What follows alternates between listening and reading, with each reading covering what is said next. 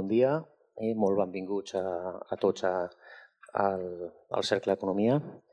Eh, gracias, eh, Carlos, por, la, por, la, por haber aceptado la invitación. Gràcies, conseller Mascollell, també pel, pel mateix. Eh, és un honor i un plaer acollir en aquests moments la, els diàlegs Espanya Plural, Catalunya Plural. Els acollim eh, gustosament. És una iniciativa conjunta de la Fundació Diari de Madrid, que presideix l'amic eh, Miguel Ángel Aguiar, i també de l'Associació de Periodistes Europeus, a la que ens afegim eh, gustosament al Cercle d'Economia a partir d'avui mateix. Em sembla que tindrem unes 8-10 sessions durant 4 mesos. S'aniran fent alternativament entre Barcelona i Madrid i el que tractaran és precisament el que el, el que l'Associació de Periodistes Europeus i la Fundació Diari de Madrid han intentat durant aquests últims 10 anys de tendir ponts i de ponts de diàleg entre Cataluña y España. Eh, muchas gracias, Carlos. Hoy repasábamos contigo que es la octava vez que vienes al círculo. ¿eh? Eh, tienes una, una, larguísima trayectoria y experiencia en, en, en esta casa y, por tanto, te, te, queremos agradecer muy, muy especialmente. I a l'Andreu també, l'Andreu acabem de repassar també amb ell és la, la vegada número 14 que assisteixes al Cercle d'Economia. A part, has, estat, has format part de les juntes directives del Cercle durant, sembla que un mandat o dos mandats, i per tant, eh, molt benvinguts a, a aquesta casa vostra. Li paso la palabra a, al amigo Miguel Ángel Aguiar, presidente de la Fundación Diario de Madrid y presidente de la Asociación de Turistas Europeos. Gracias.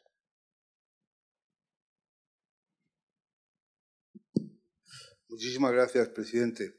Eh, me recordabas que anduvimos en tratos eh, intensos cuando íbamos a lanzar y lanzamos aquel eh, periódico semanal que se llamó Ahora y que quería emular aquel diario que, dirigió el inolvidable mm, Chávez Nogales y que tuvo una trayectoria limpísima, eh, interesantísima, por la que nos felicita todo el mundo, pero que se extinguió porque el entusiasmo eh, generalizado no se tradujo en suficientes aportaciones económicas.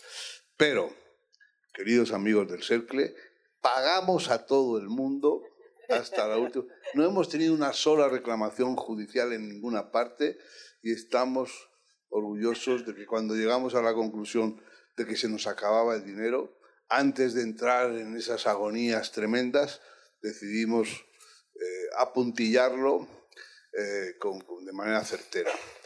Así que, eh, además, en este sitio que estamos encantados de, de, haber reemprendido esto que lo teníamos ahí en una situación un poco de letargo por las dificultades surgidas en el ámbito político y demás.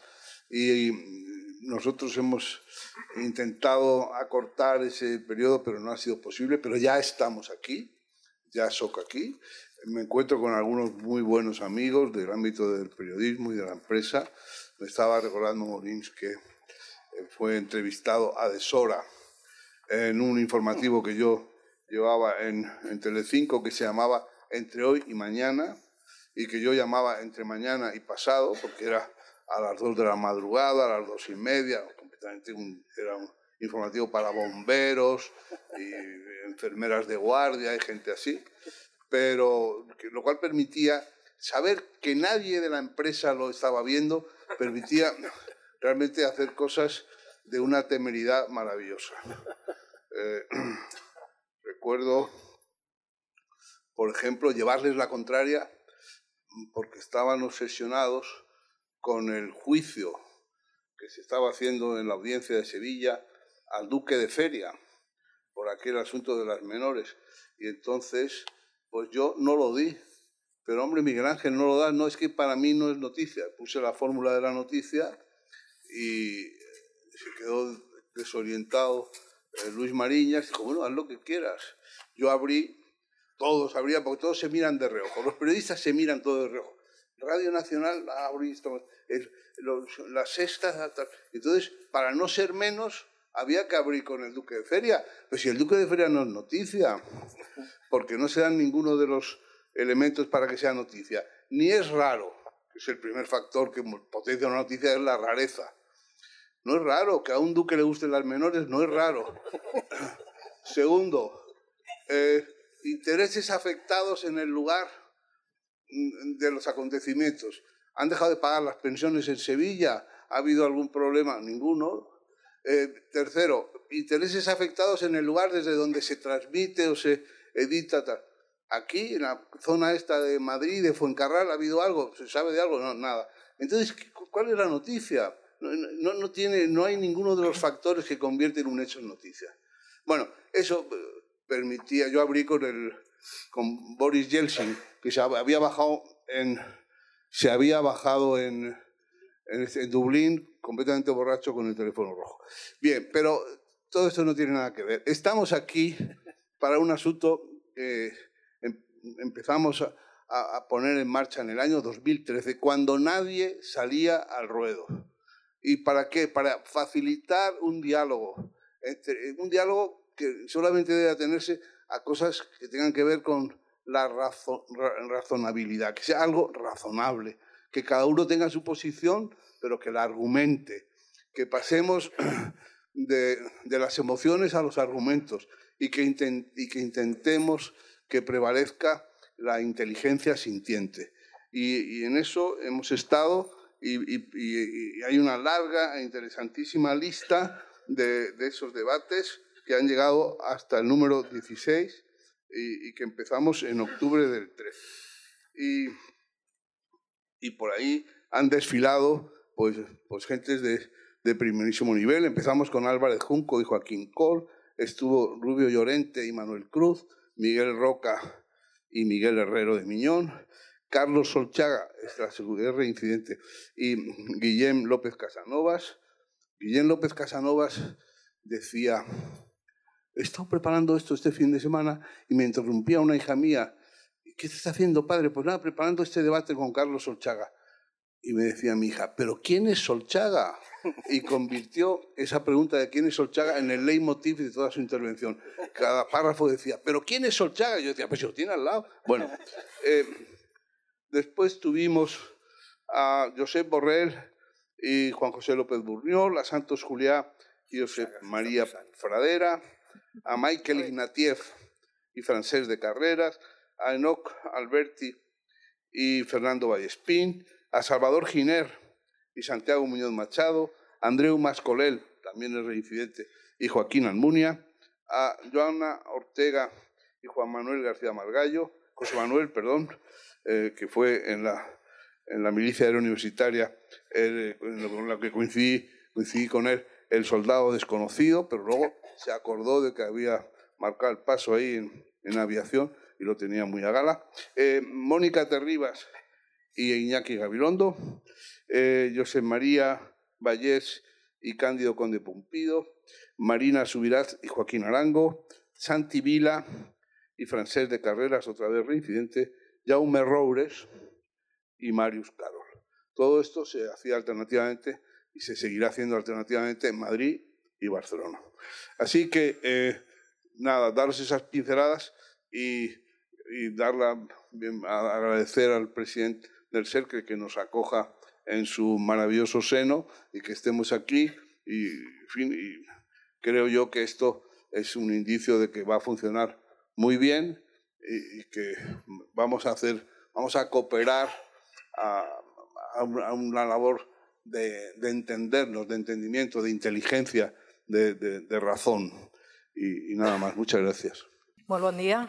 Eh, gràcies a tots per ser aquí. Gràcies al Cercle d'Economia, a la Fundació Diario de Madrid i, al, i a l'Associació de Periodistes Europeus, que són els organitzadors d'aquestes jornades, tots vostès eh, i els nostres convidats. Eh, després farem alguna pinzellada d'ells, però tothom, tothom els, els coneix prou bé. Um, aquest cicle, este ciclo eh, que, que, que, como ven, se titula España plural, Cataluña plural, eh, durante la jornada de hoy deberíamos hablar de algo que se llama estabilidad y lealtad, un nuevo marco de actuación. Y bueno, yo cuando, cuando me propusieron la moderación de, este, de este pequeño debate, pensaba, pues, pues no estamos ni en un periodo de estabilidad, mm, la lealtad, eh, vamos, brilla por su ausencia y no sé si va a surgir algún marco de actuación. Eh, están en ello, dicen estos días, ¿no? Están ahí en reuniones, unas secretas, otras no secretas, en Madrid, en Barcelona, y se supone que están en un nuevo marco de actuación. Ya me gustaría saber eh, la opinión de, nuestros invitados sobre, sobre en qué momento estamos. En cualquier caso, yo creo que hace dos años culminó un proceso de, aceleración de la política catalana, impulsada por un malestar que podríamos entrar en las causas, pero que seguro que son muy diversas, hasta un clímax que fue aquel 1 de octubre del 2017 con la aprobación de, de unas leyes que se saltaban el Estatuto y la Constitución y que acabaron en una declaración unilateral de independencia y el encarcelamiento de, unos líderes, mm, los líderes del gobierno, los líderes independentistas. Y de aquello, pues han pasado dos años.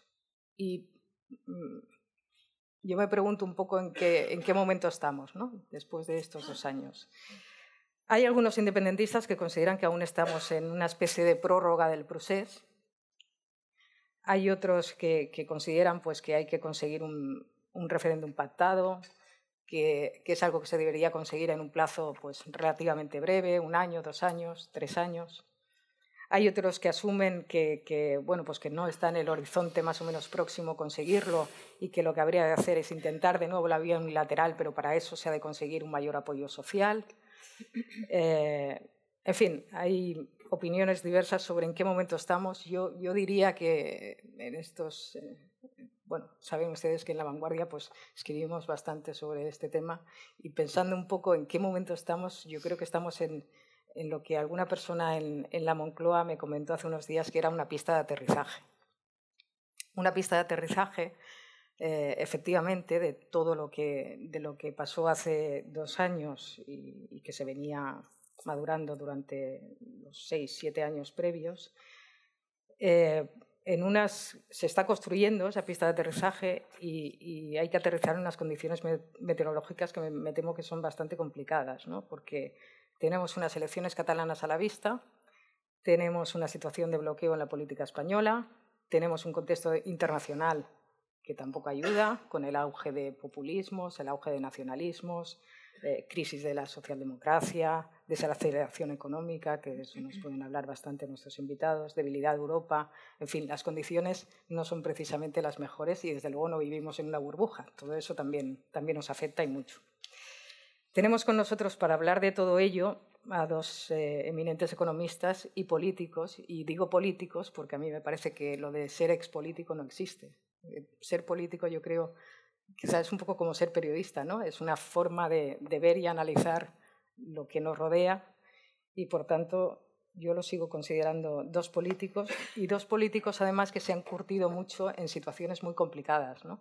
Eh, tanto el señor Solchaga como el señor Mascoley han tenido que vivir en sus funciones públicas momentos realmente delicados, con una contestación social importantísima. ¿no? En el caso de, del señor Solchaga, en la época de las reconversiones industriales, en el caso del señor eh, Mascorell, eh, pues con aquella época de recortes y de, y de protesta social, aparte del, del 9N también que, que, le tocó vivir desde el gobierno.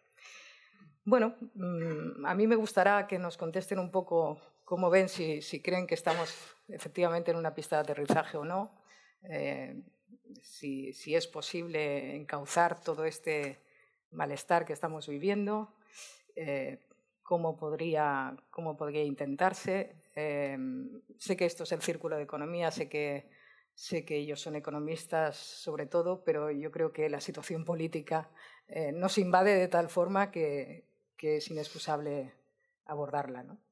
Mario.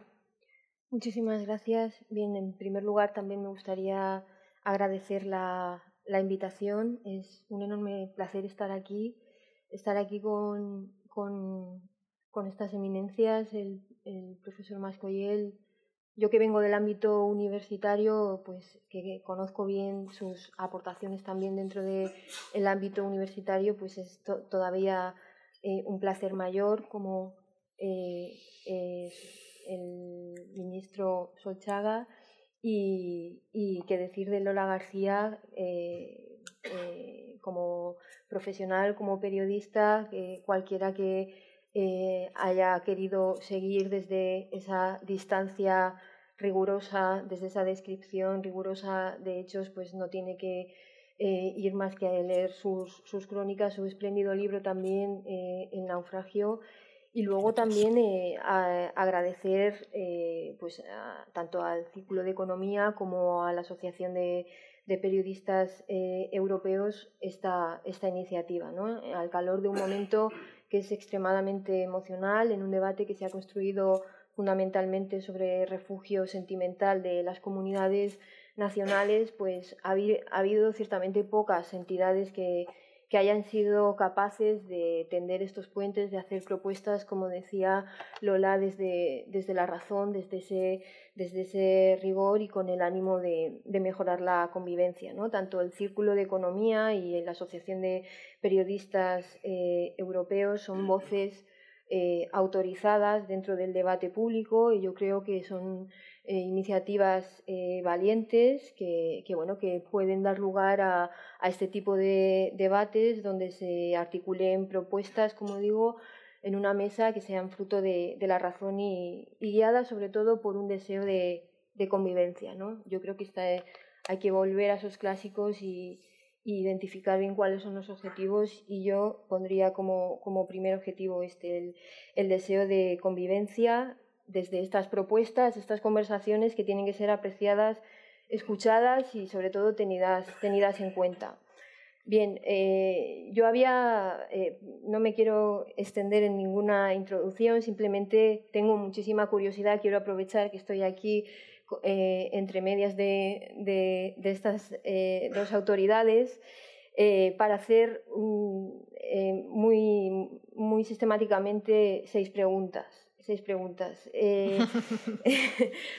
la primera de ellas hace referencia, bueno, haciendo una mirada retrospectiva, podríamos ver cómo en, nuestro país, en, en, España, el PSOE ha participado en el 60% de las reformas del Estado, es decir, que ha sido creador de una España eh, política y legislativa. Eh, podríamos valorar esa, en términos cuantitativos ese, ese margen de creatividad en, en, un 60% frente al PP, que podría ser en un 40%, y analizando bien eh, eh, este margen cuantitativo, nos daríamos cuenta, por ejemplo, de que CIU habría votado en el 85% de las leyes que han sido también creadoras de esa España política y legislativa. Mi primera pregunta es si esto se puede reconducir o si ha fallecido finalmente o definitivamente esta, esta vía. Es decir, que esta media alma de España, que, ha participado a lo largo de toda esa actividad política, de creación política y legislativa en nuestro país, en la que ha participado CIU o en la que ha participado eh, un importante sector de la política en Cataluña, es, una vía agotada o podemos ver una sombra o una, ventana. Eh, de esperanza en estas negociaciones que, están teniendo en la actualidad con Esquerra, si podría Esquerra, por ejemplo, ocupar ese, espacio. La segunda pregunta eh, tiene que ver con cómo solemos eh, pensar los problemas normalmente en términos de solución y sobre todo de una solución única. A mí me gusta mucho una distinción que hacía Raymond Obiols entre cómo eh, ahora mismo eh, la sociedad política eh, en Cataluña se divide entre los que quieren solucionar y los que quieren empeorar la situación. ¿no? no es tanto entre independentistas y no independentistas, sino en los que están por solucionar y en los que están por, por empeorar esta situación. Y yo me pregunto si es posible salir de esta lógica también de solución única para entrar en, una vía que sea simplemente gestión de la situación y que tenga que ver con destensar socialmente o normalizar institucionalmente frente a la excepcionalidad en la que parece que estamos instaurados no solamente aquí, sino también en, el resto de, del Estado. Si te parece, María, hacemos dos, luego otras dos, y, porque para, para que no se colapsen pues ellos y, luego vamos introduciendo de dos en dos, ¿vale? Perfecto. Porque si no... Eh, señor Solchaga, empieza. Bueno, buenos días a todos y muchas gracias a quienes nos han convocado aquí y a ustedes por venir. Eh, yo tuve la misma impresión que tuviste tú, Lola, cuando vi aquello de un nuevo marco de estabilidad y lealtad me pregunté, ¿esto es una petición de principio? ¿Es simplemente un desideratum?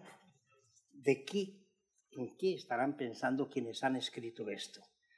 Porque verdaderamente es extraordinariamente difícil creer que contamos ni ahora ni en el corto plazo con una situación de estabilidad ni política ni económica, no ya por nuestros propios defectos, sino también por el entorno internacional que nos rodea extremadamente incierto e inseguro, sino que además es muy difícil pedirle a quien cree que la Constitución es el mayor enemigo para la obtención de sus objetivos políticos que tenga lealtad constitucional.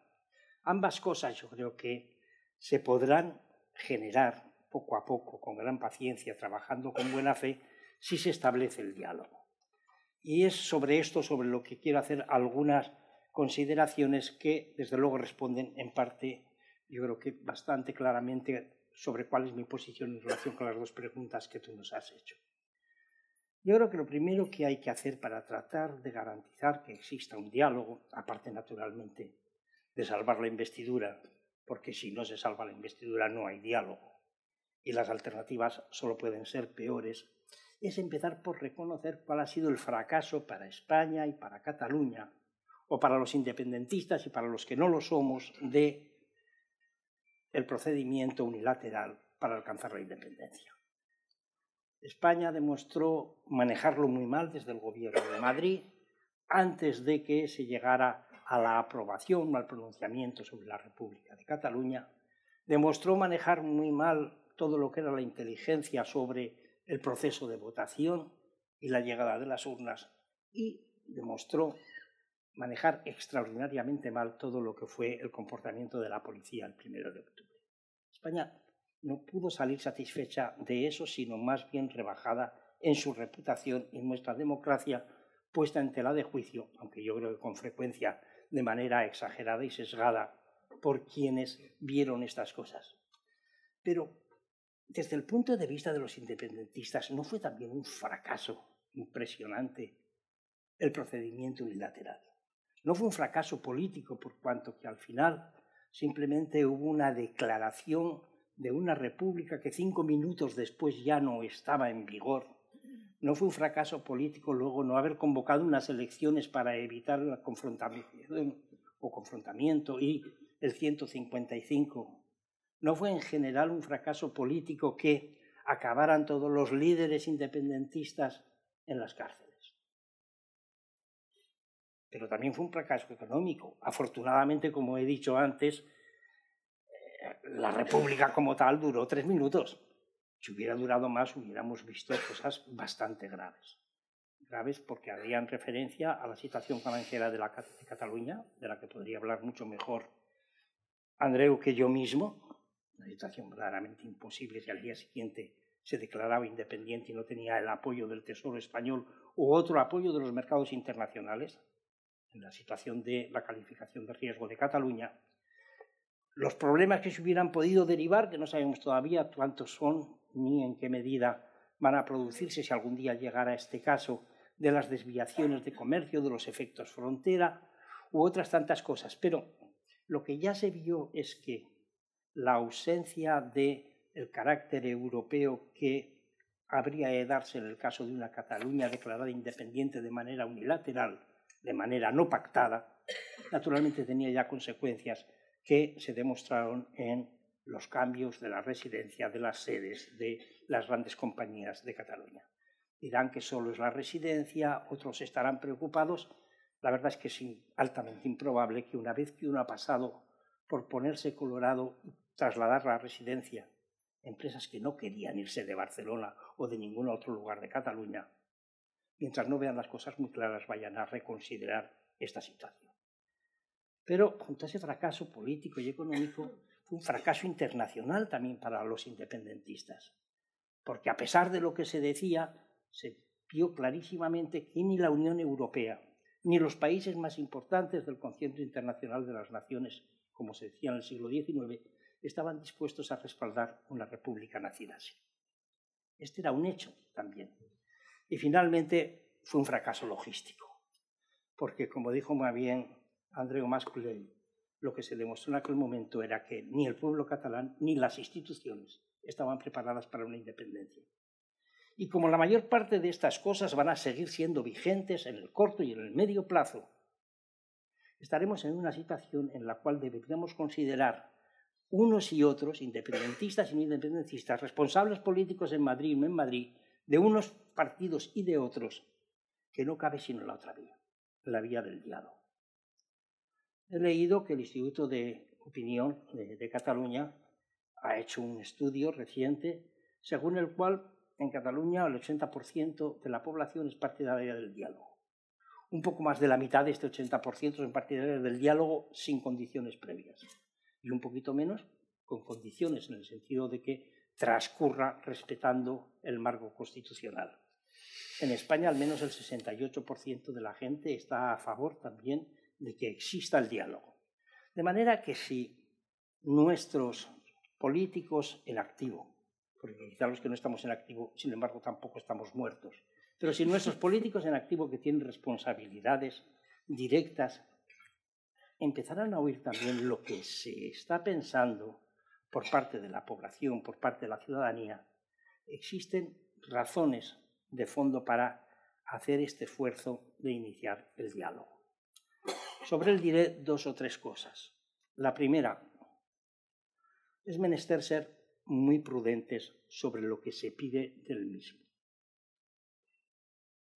¿Por qué? Porque se ha adueñado de el mundo de las relaciones entre partidos y entre fuerzas políticas y se aviva con frecuencia desde los medios de comunicación la sensación de que meramente entrar en contacto, abrir un diálogo, poder hablar de una cosa u otra, contamina a una de las dos partes. Y aquí si alguien desde una posición independentista es partidario de abrir un diálogo sin condiciones previas, digo, puestas por él mismo, puede ser considerado un traidor. Y en España hace mucho tiempo que es evidente, en el resto de España, que la derecha está jugando a considerar, en estos momentos, cuando se está tratando de llegar a un acuerdo para eh, la investidura del partido de Pedro Sánchez como el secretario del Partido Socialista, que cualquiera que entre en contacto con un partido independentista ya está contaminado, ya está envenenado, ya no es digno de ser un personaje político o uno de los, eh, de los partidos que tienen algo que decir. Yo esto lo considero la mayor de las hipocresías y al mismo tiempo uno de los mayores errores políticos. Nunca se hubiera hecho la transición en España si alguien hubiera dicho que un 80% de los que estaban en los partidos de la derecha habían servido con Franco y habían estado muy contentos con Franco, como muchos empresarios de aquí y de allá. Habían estado muy contentos con Franco y ahora eran demócratas. Nunca se hubiera hecho aquello si alguien hubiera estado todo el día recordando las burradas que había hecho el Partido Comunista y las Juventudes Socialistas Unificadas durante la Guerra Civil.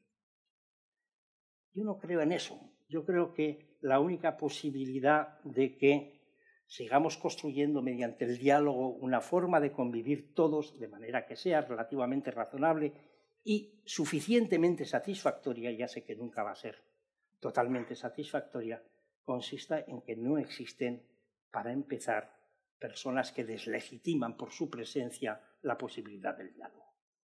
Eso lo creo y lo creo profundamente, lo creo aquí, lo creo en el País Vasco con los exetarras y lo creo en cualquier otro lugar.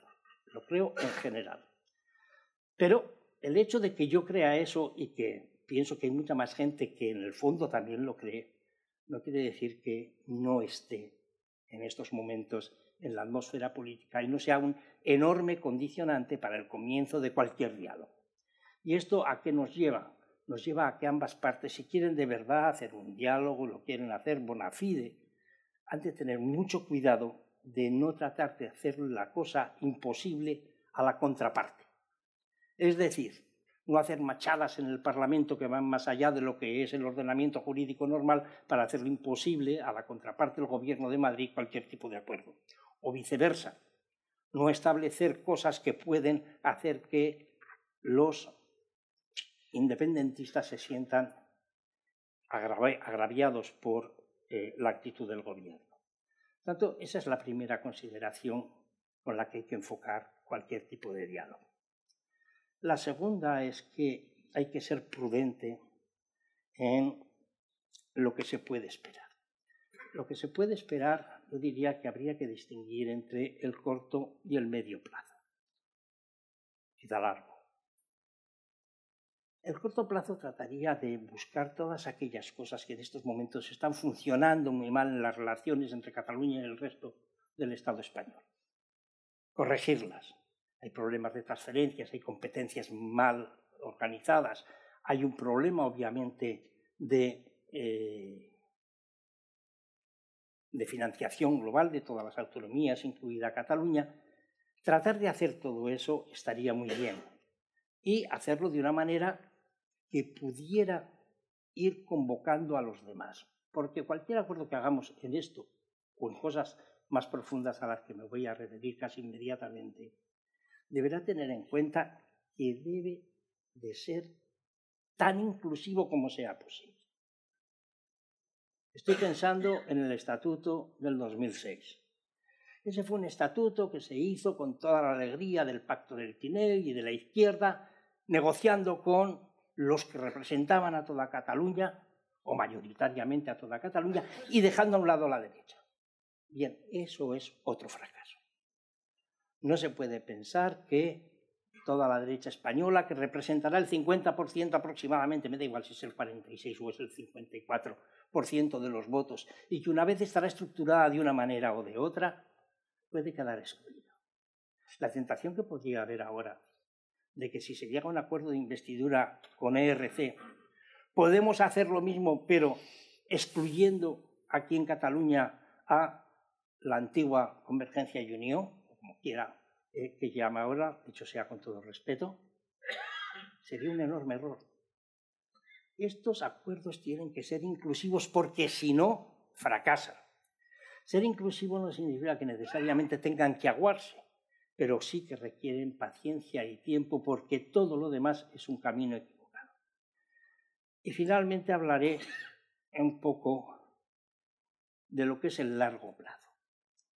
En el largo plazo yo creo que los temas que hay que discutir, y que Dios me perdone por mencionarlo, son A.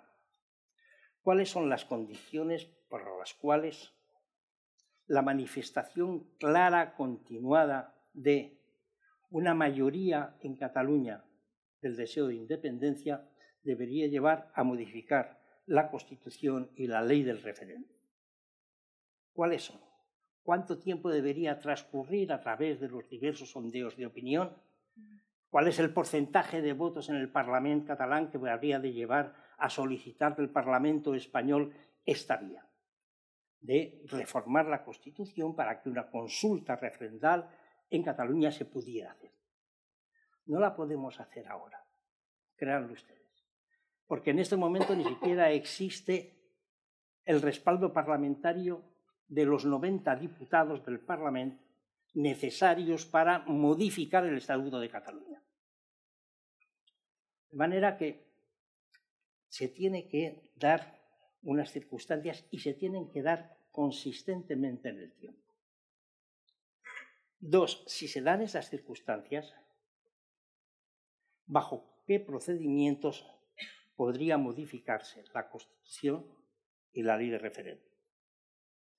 Mi opinión es que si uno pretende una reforma global de la Constitución y cada uno que se presenta a la mesa dice yo quiero que usted me modifique esto o lo otro, el uno la monarquía, el otro no sé qué, la posibilidad de llegar a un acuerdo sobre una reforma constitucional que contribuyera a resolver el conflicto catalán es prácticamente cero. Por consiguiente, habría que hacerlo pensando en algo muy concreto y de manera muy pragmática. Y una vez más, conviene recordar, sin exclusión de grupos, porque fracasará. Porque lo que se apruebe en un momento se deshará en la siguiente legislatura. Tiene que haber un consenso suficiente, aquí y aquí. Tercero, si se produce finalmente esta consulta porque el marco jurídico ha sido adecuado, ¿en qué condiciones debe producirse?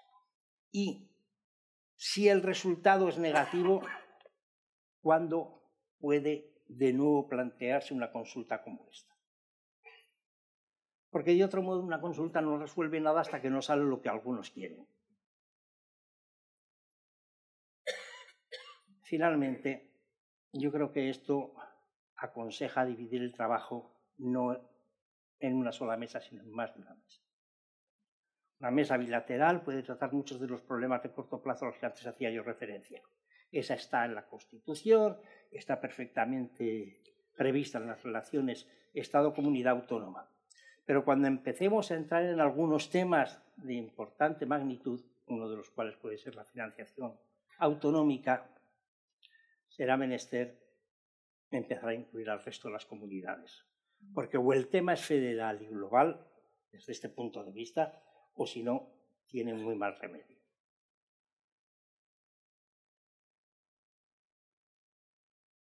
Yo sí quería decirles algo más. Pero básicamente esta es la idea. Primera mesa esta. Segunda mesa. La segunda mesa debe ser una que se forme en el Parlamento catalán, desde luego, y deseablemente en el Parlamento español. Es una mesa de partidos. Es una mesa en la cual tratamos por todos los medios, o se trata por todos los medios, de que la situación no sea exclusiva. Si me preguntan ustedes qué probabilidades creo que tiene la formación de esta mesa, les diré que al menos en España, en el Parlamento español, extraordinariamente reducidas. En Cataluña lo dejo a su juicio que conocerán mejor la situación que yo mismo. Y finalmente, una mesa de gobiernos. Una mesa de gobiernos que podría ayudar a bueno, desbloquear situaciones cuando una de las dos mesas se han creado y parezca que no hay salida, a considerar también el introducir nuevos eh, dialogantes en la mesa según las características del tema o la trascendencia del mismo. Concluyendo,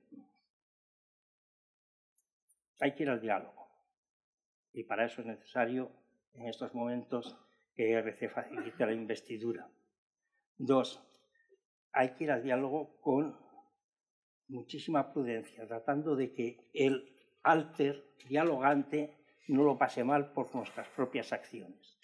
Tercero, no hay que esperar grandes cosas ni milagros. Cuarto, hay que distinguir entre el corto y el medio plazo. En el corto plazo podemos tener cosas, las cosas importantes son las del medio plazo y esas deberían tratar también de discutirse. Y eso significa que sí, que creo, en tu segunda pregunta, que es posible otra vez que quienes desde el PSOE o desde el PP o desde Convergencia y Unión o desde el Partido Nacionalista Vasco llegamos a formar consensos para entender una forma de organizar España y asegurar la convivencia entre las diferentes nacionalidades, entre diferentes personas y culturas también distintas, podemos y debemos tratar de ponerlo de nuevo en marcha. Me encantan los políticos cuando dejan la política porque entonces entran a fondo en los temas y porque esto se lo compra Esquerra Republicana mañana mismo, ¿eh? pero no sé si se lo compra el no Sé si me lo compra, sí, deje, exacto, déjeme que diga Me parece que no. Estoy seguro de que ustedes saben que yo ya soy naturalmente afiliado al PSOE, no saben ustedes a veces lo que cuesta, pero sigo siendo afiliado al PSOE, pero no hablo en nombre del PSOE. Es más, es altamente probable que si el PSOE considera mis palabras no las haga suyas, sino las rechace. Pero aclarado esto, creo que he dicho lo que pienso sobre el tema. Señor Mascolell, ¿cómo, cómo ve este panorama? Uh, sí, um, primer de tot, moltes gràcies a les tres organitzacions que m'han convidat a aquest diàleg amb el meu bon amic i col·lega economista Carlos Solchaga. Um, a mí me gusta medir mis palabras, así que la intervención inicial la tengo escrita y la voy a, y, la voy a, y la voy a leer y las preguntas pues se pueden deducir de, de, de, la, la, respuesta. Señor Mascodí está en activo. ¿Eh? Es como si estuviera en activo. En rigor, una reflexión sobre el futuro debería comenzar por una mirada al pasado, pero en los pocos minutos disponibles prefiero concentrarme en el futuro. El pasado es por todos conocido, aun si en nuestras necesarias críticas y autocríticas lo podamos interpretar de maneras diversas el futuro, en cambio, no está predeterminado y lo que ahora importa es que colectivamente no nos equivoquemos o si se, quiere, y permitiéndome como excepción una mirada furtiva al pasado, no nos volvamos a equivocar. Si no por otra cosa que mi dedicación académica, y con perdón de Adam Smith, sé bien que la interacción de múltiples decisores puede generar resultados que no son deseables para la inmensa mayoría de los mismos. Eso puede ocurrir incluso contando con su plena racionalidad y no digamos cuando esta hipótesis es dudosamente descriptiva. Si, por ejemplo, las emociones juegan un papel destacado en la decisión colectiva. Me permitiréis, sin embargo, que proceda por unos minutos bajo la dudosa hipótesis. En esta semana, en estas semanas, la interacción en torno al conflicto eh, catalán está entrando en una fase de negociación formal e informal. Es de celebrar, ya que los niveles de tensión alcanzados son perjudiciales eh, para todos. En la negociación, en sentido amplio, tenemos aquí y ahora como mínimo cuatro sensibilidades. No intento asociarlas de forma estricta con partidos políticos. Hay correlaciones, pero también convivencia de sensibilidades dentro de una misma formación política, un factor más de complejidad. Por un lado, tenemos en Cataluña a los soberanistas independentistas, los de toda la vida, aquellos para los cuales una nación debe tener un Estado y ya está. Y tenemos también a los soberanistas que llamaré a independentistas, los que pueden relativizar la independencia y poner más énfasis en la preservación de la nación y en el autogobierno. Por otro, en el global español, inclusivo de Cataluña, tendríamos, respecto al conflicto catalán, la sensibilidad dialogante y la no dialogante. En, términos de fuerza electoral, las dos últimas eh, elecciones generales parecen demostrar que la dialogante es mayoritaria, aunque por poco. Eh, ¿Cuál debería ser el resultado de la interacción estratégica de estas cuatro sensibilidades con respecto a la formación de gobierno y más allá? Pienso, bajo la hipótesis de racionalidad, que debería ser uno donde una mayoría parlamentaria que refleja una mayoría social da paso a un gobierno que, propicia el diálogo y la negociación. Desde el lado catalán, propiciarlo es lo que técnicamente se denomina una estrategia dominante. Es lo mejor en cualquier circunstancia. Para los soberanistas a independentistas, que como tales mantienen alguna esperanza que la negociación pueda dar resultados positivos, su actitud natural será la de no cerrar el paso a ese gobierno. Y los que no lo creen, los independentistas, eh, los soberanistas independentistas, deben hacer lo mismo, porque si tan convencidos están del fracaso de la negociación, será demostrando que están dispuestos a negociar, y añado, limitándose a manifestaciones de protesta ordenadas, demostrativas y no disruptivas, como se cargarán de razón y en la terminología al uso ampliarán la base para la siguiente fase del contencioso. Evidentemente, en ese caso también la estrategia dialogante será la mejor para la sensibilidad dialogante española. En resumen, esperemos que se forme un gobierno que impulse diálogo y negociación. La siguiente pregunta es entonces sobre el ritmo y el contenido de esa negociación. El ritmo va a ser necesariamente lento. Los conflictos difíciles son aquellos en que falta la confianza. Pueden las partes intuir los parámetros de un compromiso posible, pero si ninguna de ellas confía en la otra, el compromiso solo se alcanzará, si se construye primero o simultáneamente un marco de confianza en su cumplimiento. Y esto solo se puede llevar a cabo paso a paso, hito a hito. Otro factor que propicia la lentitud es la realidad de la prisión y el exilio. Creo que hay que pensar a ocho años vista, dos legislaturas completas, lo cual significa que en los primeros habría que asegurar que tengamos los siguientes cuatro. Tampoco es fácil precisar los contenidos y los hitos que es realista alcanzar en un primer periodo de cuatro años, porque en gran medida se trata de alcanzar un clima de distensión y de interlocución permanente, fluida y progresivamente empática. No es realista, sin embargo, esperar que a esto se llegue simplemente por el hecho mismo de hablar. Deberá, deberá haber gestos con sustancia y un encadenamiento de hitos. No me corresponde concretar estos, aunque ya he mencionado dos por el lado catalán, facilitar la formación de gobierno y limitarse a movilizaciones ordenadas y no disruptivas. Pero por el lado del Gobierno de España sí diría lo siguiente. A mi entender, dos ejes propulsores de la desafección catalana en la terminología del presidente Montilla son la percepción que el modelo territorial centralizado se está consolidando con fuerza, ejemplarizado en el mapa del AVE o en el crecimiento del poder económico de Madrid, y la percepción que España ve la identidad nacional catalana, o si se quiere, la nacionalidad catalana, como una amenaza y, en particular, la prevalencia de la lengua como una imperfección.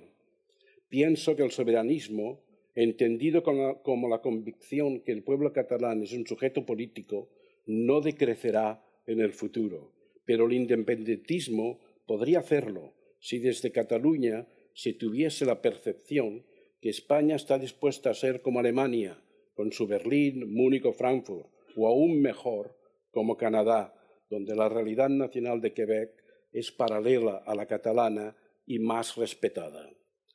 Todos los hitos y gestos que vayan en esta dirección marcarán caminos de distensión.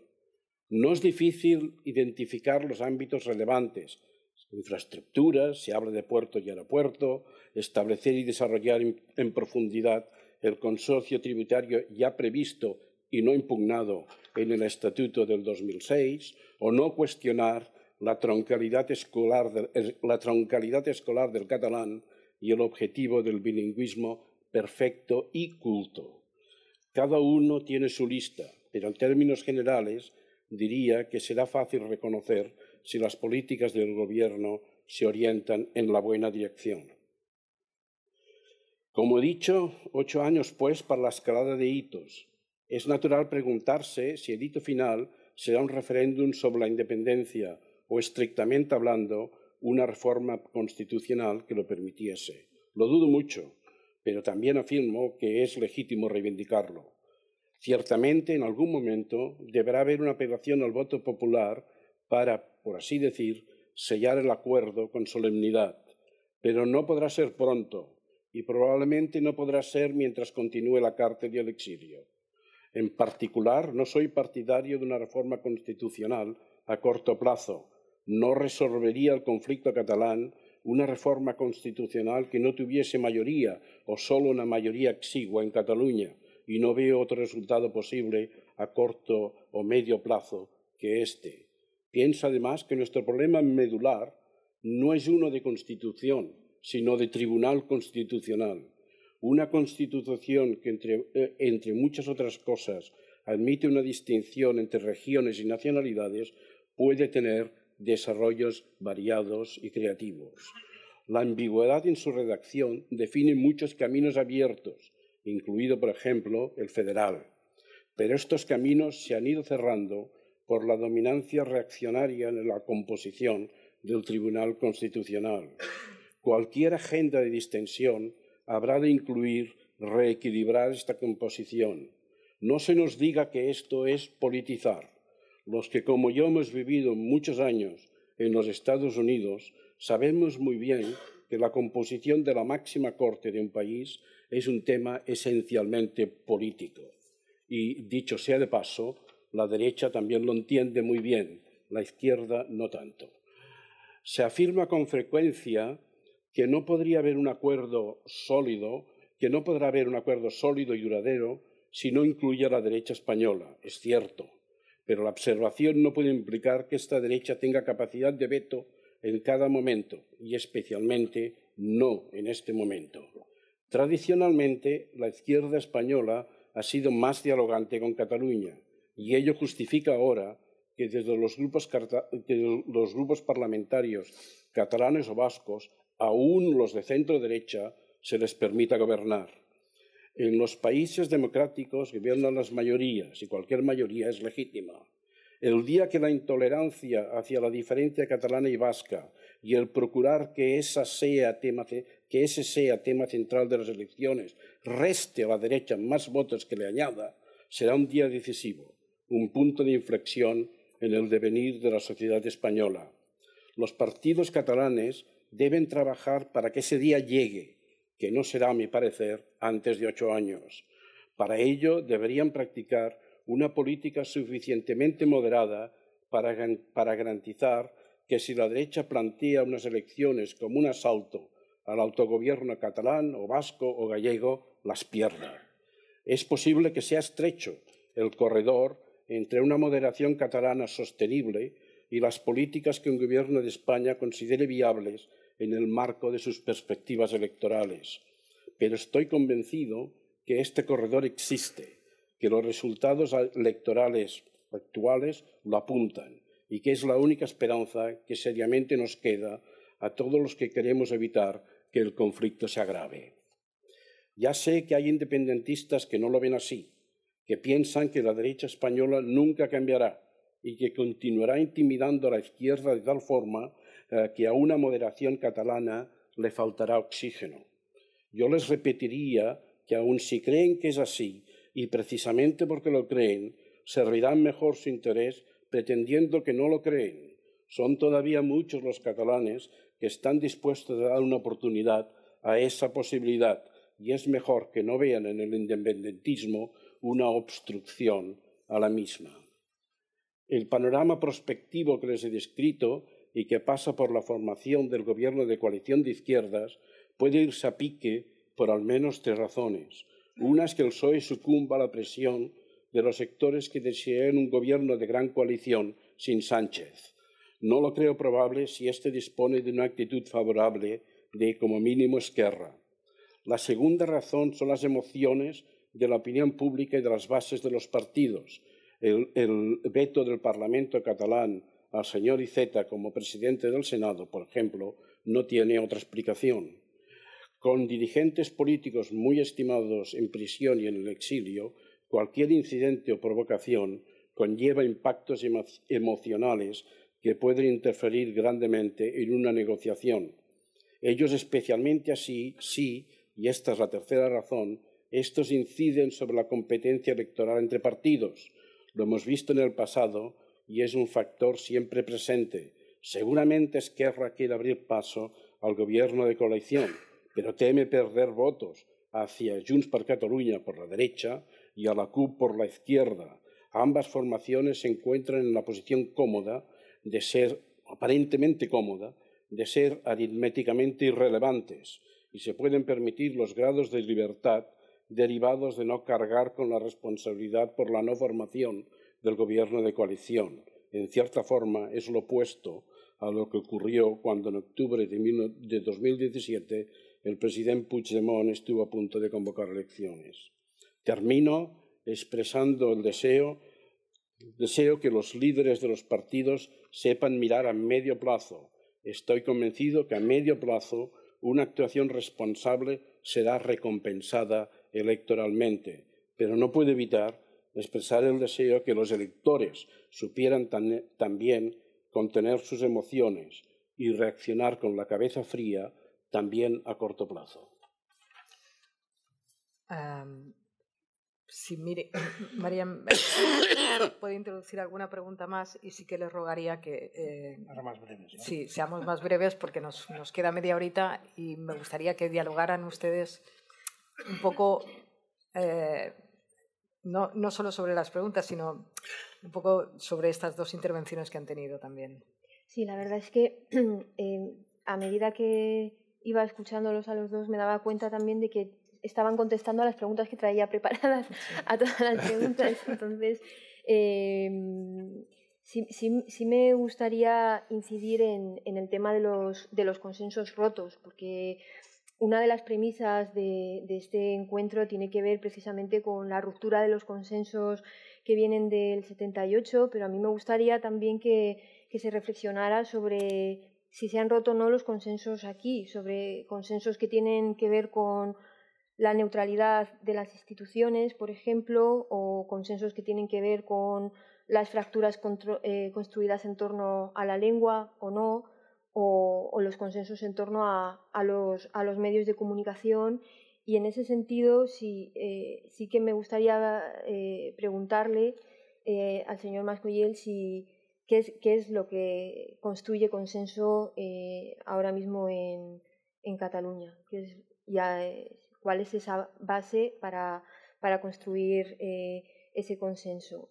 Y, y en relación a, a, un tema más centrado, a una situación más centrada en los problemas eh, con las negociaciones ahora mismo eh, con Esquerra, me gustaría que, que el ministro Solchaga hiciera una reflexión en torno a, este argumento porque se, se habla mucho de, de mm, los problemas que presenta para Esquerra en, términos electorales eh, una posible abstención para la formación de, un gobierno, pero me gustaría que reflexionara sobre un tema que no ha salido aquí, que es eh, eh, el surgimiento de un nacionalismo irredentista que, que, puede ser casi hacer un juego especular con ciertos sectores aquí también, que es, que es, que es Vox. ¿no?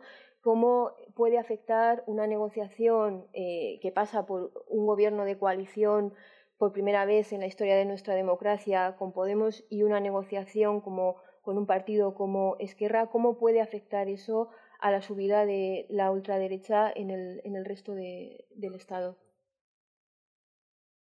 Señor.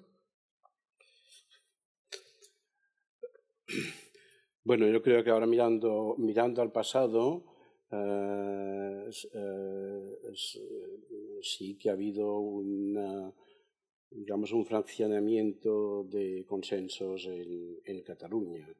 Eh, hasta hace 10 años, diez años todos nos llamábamos catalanistas y todos apelaban al catalanismo. yo, creo que, yo creo que no había, yo creo que, que no había, que no había excepción y esto significaba algo y significaba algo importante. Esto, esto, esto no es verdad en este, en este momento. Eh, recuerdo, por ejemplo, en, mi, en un ámbito que conozco bien, que es el de la investigación, eh, el año 2007 creo que fue, se hizo un pacto nacional en Catalunya per la Pacte Nacional per la Recerca, per la, eh, per la, per la, per la recerca. Y como, como estos pactos nacionales, pues es un texto lleno de mil vaguedades, ¿no? Y yo solía pensar que bueno, era, un texto, era, era un texto más, hasta que ahora me he dado cuenta que sería absolutamente irreproducible, porque no podríamos tener un pacto sobre, sobre lo que sea en el cual estuviera Ciudadanos y estuviera Junts, Junts per Catalunya. Uh, tampoco estaban en el 2006, pero es que no estaban, eran, creo que tenían tres mm. diputados en el Parlamento. Uh, y, y, por tanto sí significa la capacidad de, de llegar a acuerdos vagos y de apelar a una misma tradición relacionado con esto, eh, ya he expresado que en, el ámbito lingüístico Mi ideal es el de, lo he dicho, el del bilingüismo, el de la troncalidad uh, del, eh, el de la troncalidad de la lengua en la, en la escuela uh, y eh, el ideal del bilingüismo perfecto, del bilingüismo perfecto, que es decir, todos los educados aquí son bilingües y culto en el sentido de que las dos lenguas uh, hemos, se estén al mismo nivel y cultas las dos. Uh, esto yo creo que es un poco más difícil ahora que hace dos años, curiosamente, por responsabilidad mutua, ¿eh? por responsabilidad de quien la ha atacado desde allí y por responsabilidad de cómo se ha procedido uh, desde, desde aquí. Yo creo que, que el, la agenda de la lengua la hemos hecho un poco, me, uh, la, la, percepción la hemos hecho un poco menos amable que, que lo que era y esto está relacionado con este, con este fraccionamiento. Es decir, a veces algún amigo independentista les digo, sí, un gran éxito. El independentismo ha pasado del 25% al 50%. El 25% de la población catalana se ha vuelto independentista, pero el antiindependentismo ha pasado prácticamente de cero a ponle la cifra que quieras. Y, no sé al final, uh, al final uh, cuál, ha sido, cuál ha sido el negocio. ¿Qué es lo que conviene? pues eh, revertir la situación, revertir la situación por los dos lados. Es decir, lo que ha pasado también es la consecuencia de la intransigencia fundamentalmente del PP eh, desde el lado, y, digo, y, y, de tribunales, desde el lado español y de una cierta inocencia desde el lado catalán. Y esto pues habrá que revertirlo poco a poco. Sí, sí. Bueno, lo que se refiere a, a los problemas que puede plantear el potencial crecimiento de Vox eh, sobre el posicionamiento en esta y otras materias importantes por parte del PP, la verdad es que yo no me atrevería a, a banalizarlos.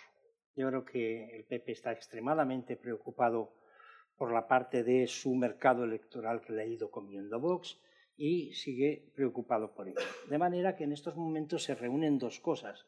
La tendencia del PP, cuando está en la oposición y cuando está en el gobierno, sí que se toma ciertas libertades, a deslegitimizar o deslegitimar a quien quiera que tenga contactos con aquellos que a ellos les parece que son sus enemigos políticos, con el temor estratégico en estos momentos de que el avance de Vox les pueda dejar en una situación muy muy mala. La verdad es que eh, todavía es temprano para saber cuál es el recorrido que tiene Vox. Yo soy de las personas optimistas que creen que tiene un recorrido corto y que seguramente si somos capaces de crear una situación de mejor funcionamiento de las instituciones y pacificar en gran medida el problema de Cataluña, el recorrido de Vox no va a ser muy brillante y seguramente tenderá a ir disminuyendo. Pero realmente los ifs, los sís que estoy proponiendo, no son tan fáciles de alcanzar y, por tanto, a Vox hay que mirarla con cierta precaución. Por lo demás, sin embargo, yo creo que sigue siendo absolutamente crucial para establecer de nuevo un sistema en el que existan transacciones, negociaciones, el no excluir a nadie el evitar por todos los medios, por más que la derecha se crea con la capacidad de dispensar quién es legítimo y quién no, quién es un auténtico patriota y quién no, o que aquí determinados independentistas sean capaces de dispensar carné de catalanismo o de buenos y malos catalanes, sobre eso hay que tratar de pasar. Y hay que tratar de pasar a través de lo que podríamos llamar un acto claro de coraje ciudadano y de coraje político. Hay que tratar de decir que no a determinadas cosas. Tengamos todo el respeto que podamos tener por las víctimas del terrorismo, pero no tienen ellas por qué dictar ni condicionar seriamente la política en nuestro país, porque no tienen ninguna razón para hacerlo. Tienen derecho a todo nuestro cariño, a toda nuestra misericordia, a toda nuestra empatía, pero no tienen derecho más que otros ciudadanos a decir que si tal o cual persona, si tal o cual organización, si alguien que ha pasado por la cárcel y ha cumplido ya la condena que se le ha impuesto, tiene derecho o no tiene derecho a hablar o queda deslegitimado para toda su vida. Eso es un esfuerzo de ciudadanía, es un esfuerzo de coraje político. Y esa debería ser una regla que se impusiera entre los partidos, tratando de acabar con aquellos inquisidores que desde la derecha española o a veces desde posiciones irredentistas aquí en Cataluña y en este tema concreto del que venimos hablando, vienen imponiéndonos obligaciones o excluyéndonos de determinadas actividades simplemente porque a ellos no les satisfacen. Lo que pasa es que, si me permite un momento con, con este tema y ya, y ya cierro, el, em, se, las dos premisas que ahora mismo están sobre la mesa en torno a, la investidura es que una investidura eh, favorecida por Esquerra podría, em, podría incrementar el apoyo a, la ultraderecha y por otro lado, al mismo tiempo se está defendiendo que, que la forma de incrementar el apoyo a la ultraderecha sería una gran coalición. ¿En qué, en qué posición se, ¿Cómo lo valora? Hombre, yo creo que tiene más peligro el PP si es el que estás pensando, si eh, se considera esta, eh, este acuerdo con Esquerra Republicana que si se hiciera un acuerdo de lo que llaman los ciudadanos los constitucionalistas. Es más peligroso para el PP esto y por tanto espero que si sigue adelante, si hay un acuerdo de investidura y luego veríamos qué pasaba, porque Voy a interrumpirme aquí un momento. Piensen ustedes que si Pedro Sánchez sale investido dentro de unas semanas, va a ser extraordinariamente difícil, por no decir casi contra natura, formar la mayoría de censura para echarle. Eso significa cuatro años, o tres años y mucho. En esos cuatro años es donde te estás apostando. En esos cuatro años, si eres capaz de llegar a mejores estados de convivencia. Si las partes que negocian cuando hablamos del conflicto catalán y avanzan un poco, lo reconocen ambas y no una dice qué gran paso adelante y el otro lo minusvalora. Si esas cosas se consiguen, es previsible que la situación habría de ser mucho menos encrespada, mucho menos enconada de lo que es ahora, y por tanto el camino que habrían de tener los que desde la derecha estarían tratando de sacar ventaja de la situación actual, sería más difícil. Pero en fin, reconozco que es una apuesta. No, yo quisiera insistir en este, en este, puño, en este punto. Cuatro años son muchos años. Ah, yo creo que aquí, en Cataluña, ya nadie se acuerda cómo salió elegida la alcaldesa Colau. Pero es por otras razones. ¿eh? Es por otras razones. Eh, bueno, quiero decir que, eh, que, la vida sigue, que la vida sigue muy rápido y que por tanto lo decisivo para Esquerra son para Esquerra y para Junts por Cataluña y en general por el lado catalán es lo que se haga en estos cuatro años. Y yo creo que el objetivo de estos cuatro años debe ser que en las elecciones dentro de cuatro años eh, la misma o semejante coalición eh, salga bien elegida, eh, porque esa será la prueba, esa será la prueba de que el camino era un camino que España, camino digamos dialogante y de moderación, es un, es un camino que España está tomando, las generaciones más jóvenes y el de la marginación, por lo tanto, del radicalismo de derecha cuatro años en la política española. Nos falta también la, en, la política en la política española. Nos falta saber, digamos, la incógnita de la política catalana, porque efectivamente cuatro años sin elecciones parece una eternidad en, la política española, pero en la política catalana tenemos elecciones.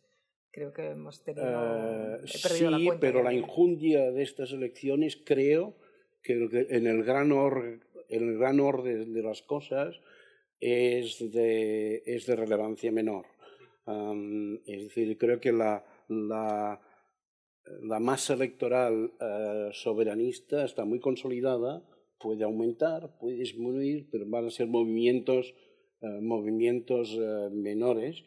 La, la, la, distribución entre los tres, entre los tres partidos es ciertamente muy, uh, muy volátil y esto tiene influencias aquí, uh, pero la corriente de fondo es, diría yo, el total del, del voto soberanista. Yo quiero creer que a medio plazo, como expreso al final de mi intervención, eh, el electorado recompensará a los, eh, a los moderados que tendrán que saber resistir la terrible acusación de que han vuelto al pez al cova.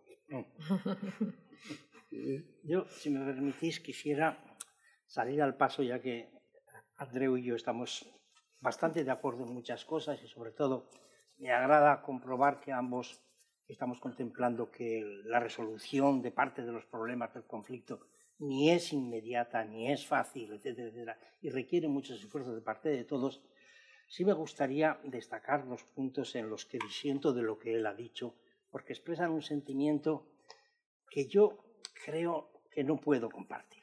El primero es a propósito de el temor que parece o que se supone con frecuencia y que él ha expresado desde Cataluña que se tiene a Madrid a la competencia económica de Barcelona y en general de Cataluña.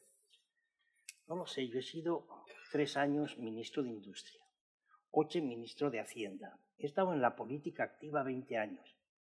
Les juro a ustedes que nunca he visto discutir una ley, ni en el Parlamento, ni en el Consejo de Ministros cuando se estaba haciendo, ni en ningún otro contexto de lo que podríamos llamar la villa y corte, pensando cuáles podrían ser las repercusiones en la supuesta carrera entre Madrid y Barcelona o entre Madrid y Cataluña. Nunca. Y cuando digo nunca es nunca. Y estoy sorprendido porque no soy el más listo de la clase, pero creo que me habría dado cuenta si esto pasaba. La segunda cosa, no comparto tampoco con mi buen amigo Andreu la desconfianza sobre los jueces.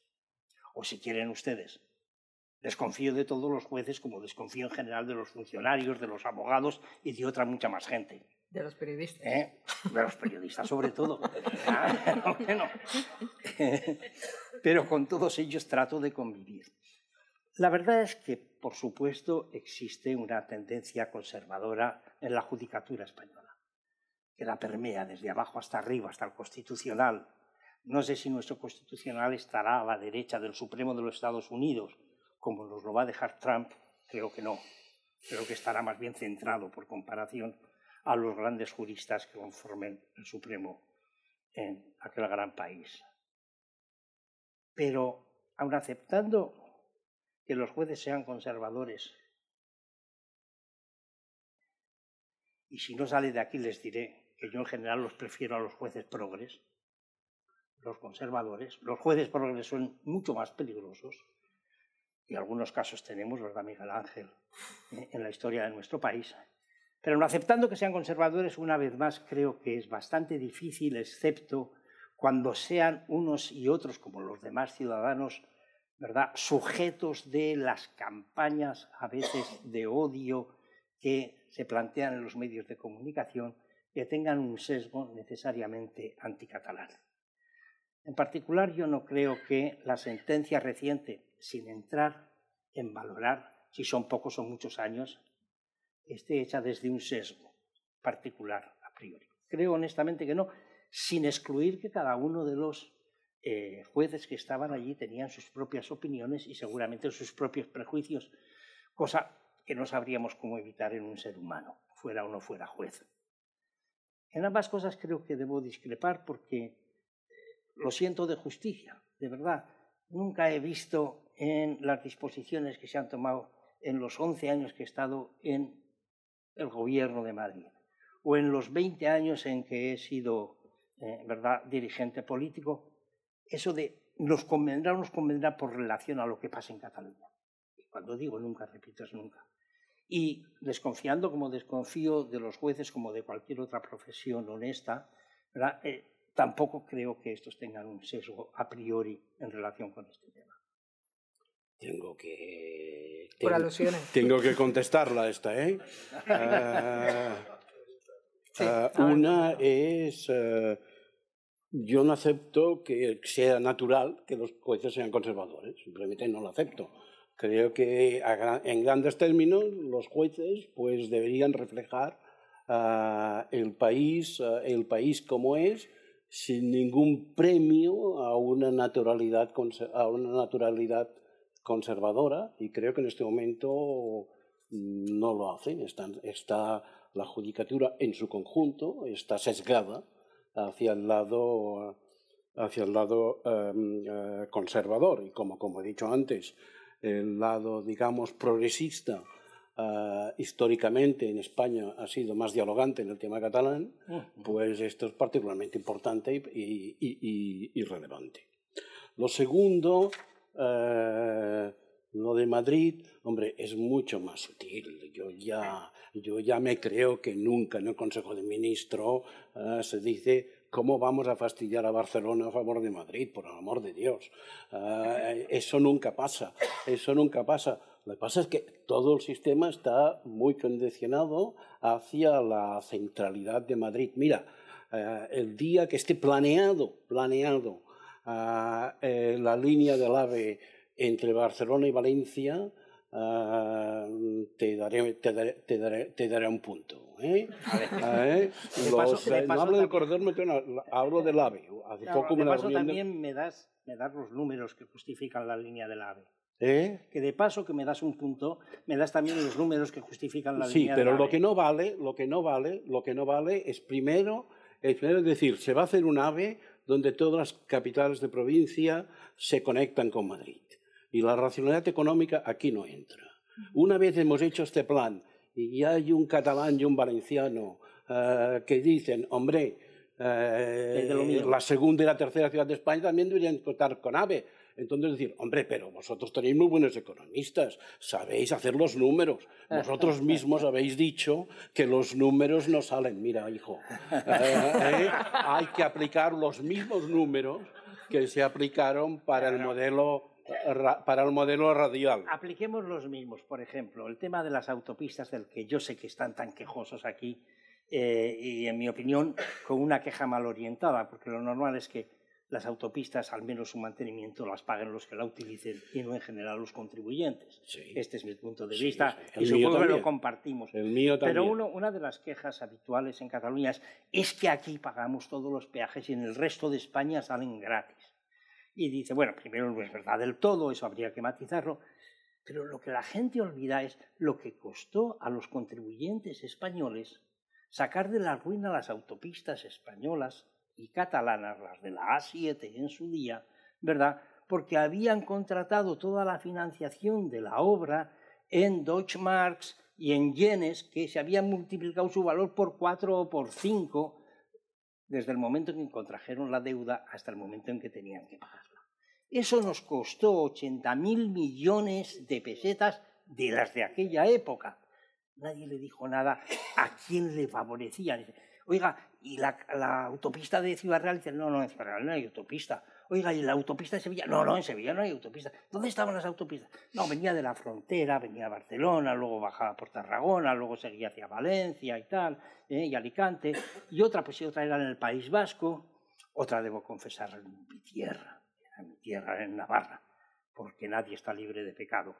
Pero, al final, yo creo que cuando hacemos este tipo de comparaciones de que una estructura que es centralista lleva necesariamente al perjuicio de una zona, ¿eh? hay que justificarlas un poco más. Y sobre todo, de verdad lo digo, es que algo debería de haber. Yo ya comprendo que los eh, ministros, al menos en aquella época, en esta ya no me atrevo a juzgarlo, no van a ir diciendo por ahí a ver cómo le fastidiamos en este Consejo a Cataluña. ¿Qué has traído tú para fastidiar? Claro, eso parece un poco duro, pero es que el hecho de que nadie de verdad, yo he estado en la Comisión Delegada de Asuntos Económicos, la he presidido ocho años, por allí pasaba todo. Cuando digo todo, quiero decir desde el plan de autopistas hasta los planes de regadío. Nunca nadie ha dicho algo sino en sentido contrario oye, ¿no te parece que esto en Cataluña podría ser mal visto? ¿O que esto en tal otro sitio? El centralismo quizá no. Mm, hay zonas que se sienten perjudicadas, pero lo que sí es claro es que beneficia a una zona muy concreta. ¿A cuál? A Madrid, básicamente, ¿no? Ah, y los costes de capitalidad. Vamos a, vamos a abrir un poquito, eh, nos queda muy poco tiempo, pero ¿hay alguna pregunta? Eh, había una por aquí y otra ahí. Venga. Eh, ¿Tenemos algún micrófono o, directamente...? Sí. Por favor, cortitas, porque nos quedan cinco minutos. Vale, gracias a todos por la, explicación. Un tema, voy a ser concreto, un tema que siempre se debate y que no hay manera de responderlo es, ¿Cataluña es o no una nación? Pero no es para que me lo respondáis ahora, es lo que viene ahora, a continuación. No, no, no, es lo que viene a continuación. Para superar este tema, ya sé que no lo solucionaremos aquí, ¿no sería mejor un Estado federal? Y esta es la pregunta. ¿Es posible un Estado federal? ¿Podría ser la solución a todos los problemas? Gracias. ¿Quién quiere contestar de los dos? a, todos, evidentemente, no. Eh, la, Constitución española es muy rara a ese respecto. Cuando uno va al, extranjero y explica lo que es, o al menos lo tradicional es decir, es como si fuera federal.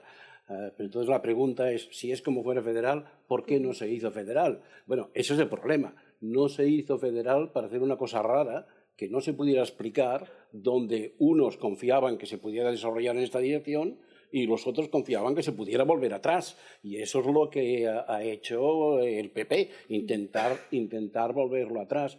Pero de verdad crees... si, fuera una, si fuera federal, eh, sería mejor, sí, efectivamente. Yo creo que fue un error no hacerla federal el año 78. Pero habría solución por la vía federal.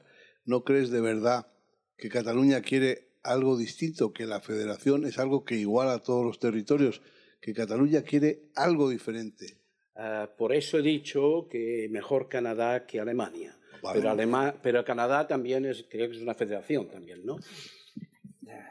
Eh, pero, es medio camino es, eh, es, la federación. Pero en todo caso, federal o no, yo creo que estas cosas solamente se pueden juzgar en el contexto histórico en el que se produjeron no nacen las repúblicas federales como consecuencia de un viejo país que ha estado unido, aunque a veces malentendiéndose los que lo componían durante 500 años o no sé cuántos. Las repúblicas federales nacen como nació la de los Estados Unidos o como en cierta medida nació mal que bien eh, durante el periodo bismarckiano, lo que fuera un imperio con un gran poder de los landes, de los poderes regionales ir al 78 y decir, hombre, hubiéramos podido hacer una, una monarquía federal. Bueno, es posible, pero a casi nadie se le pasaba por la cabeza. Casi nadie pensaba en esto. Segundo, no. Ni una constitución federal resuelve todos los problemas. Y segundo, solamente si hay un acuerdo muy claro por parte de Cataluña, podría ser un marco de convivencia aceptable y que lo hubiera por parte de Cataluña, permítame usted que lo ponga en duda. Había otra pregunta, por favor, si se presentan antes de, hacerla y, luego uh, que ya corto. Uh, Joan María Vallés, profesor jubilado. Perdón. Uh, al hilo del, de las especulaciones constitucionales y aprovechando que tenemos un navarro en la tribuna, no dentro de dos legislaturas, sino quizá incluso de tres o más, sería planteable un modelo como el Navarro, que algunos han calificado de confederalismo extraño, puesto que, como todos ustedes saben, eh, los acuerdos entre los gobiernos navarros son ratificados por los respectivos parlamentos sin posibilidad de enmienda por parte de esas dos legislaturas. ¿Cabría a ese largo plazo en el que todos nos situamos, esbozar algo de esta manera o es un puro sueño eh, que hay que descartar? Yo no estoy seguro de que la resultante de todo eso, es decir, un conjunto de conciertos económicos, ¿verdad? Porque estos nacen porque ya existían en el caso de Navarra el convenio foral o porque en el caso de las provincias vascas hubo de restaurar a las llamadas por Franco provincias traidoras la situación en la que estaban antes de la guerra civil. Y de eso nacen y como tal se constituyen en excepciones reconocidas en la Constitución. Excepciones que quizá no debían haberse dado. Ese sí que es un tema para discutir. Porque ese tema históricamente, en aquel momento, en aquel contexto, sí se discutió. Yo casi hice una carrera política luchando contra el concierto económico en el País Vasco. ¿Eh? Casi hice una carrera para arruinarme. Por fortuna el partido me trasladó a Madrid y ya no tuve que seguir en ese tipo de temas. Pero la verdad es que yo tengo muchas dudas de que el resultante fuera viable. Y en segundo lugar, no sé si este sistema del concierto más el cupo eh, fuera lo que más habría de convenir en una sociedad que está cambiando muy rápidamente. Les ha ido muy bien a quienes lo están eh, efectuando hasta ahora. No porque el sistema fiscal sea particular, que las diferencias son apenas apreciables. Les ha ido muy bien porque muchos, entre ellos yo, cuando ha habido que discutir la actualización del cupo en función de lo que podría ser su poder de aportación, es decir, su participación en el PIB, por coger una proxy razonable, no lo hicimos. Y no lo hicimos porque había problemas de grave inestabilidad política, particularmente en el País Vasco. Y esa es una tarea que hay que hacer algún día. Y si esa tarea se hiciera, probablemente podríamos vivir en lo que podríamos llamar sistemas de régimen común y sistemas forales eh, con menores diferencias de las que ahora existen. Bueno, lo dejamos aquí, que ya son, son las dos. Yo me voy a quedar con un par de cositas de las que habéis dicho. Eh, Titulares. Titulares, vamos, distensión, interlocución, prudencia, tiempo. Se ha hablado de ocho años, se ha hablado de cambio constitucional. Me quedo con que el señor Solchaga habla más bien de cambios puntuales de la Constitución eh, por el procedimiento ordinario, aquello sin excluir al PP, pero tampoco hace falta que sea. Eh, eh, eso ha dicho usted. Bueno, yo, yo, no, hago mi, no, no, sí me gustaría, no, porque es una diferencia importante. quizá al decirlo y sin darme cuenta de que hay cambios de una naturaleza y de otra, he podido mm. hacerlo a usted incurrir en, esa, en ese malentendido. No, yo pondría un énfasis mucho mayor cualquiera que sea la incomodidad que a mí personalmente me produzca negociar con los partidos de la derecha española, cualquiera que sea la sensación que tengo de hartazgo al oírles pronunciarse con esa hipocresía respecto unas veces de las víctimas del terrorismo, otras veces de las víctimas del aborto, otras veces de las víctimas del... No hay que excluir a nadie. Si ustedes excluyen o si nosotros excluimos, de verdad, como hicimos en el 2006 en aquel malhadado proyecto de estatuto. A la derecha en España no habrá ninguna posibilidad de acuerdo que sea perdurable. Y luego, como les he visto muy realistas, también me quedo con otra frase del conseller Mascolí cuando ha dicho que no es un problema de constitución, sino de, tribunal constitucional, que también puede, ser, una vía, puede ser una vía también de, de intentar hacer algo. A mí me parece claro, me parece claro eh, que el presidente Zapatero no hizo los deberes eh, en el tema del constitucional con relación al estatuto del 2006. Estoy de acuerdo. Muchas gracias. Gracias a todos.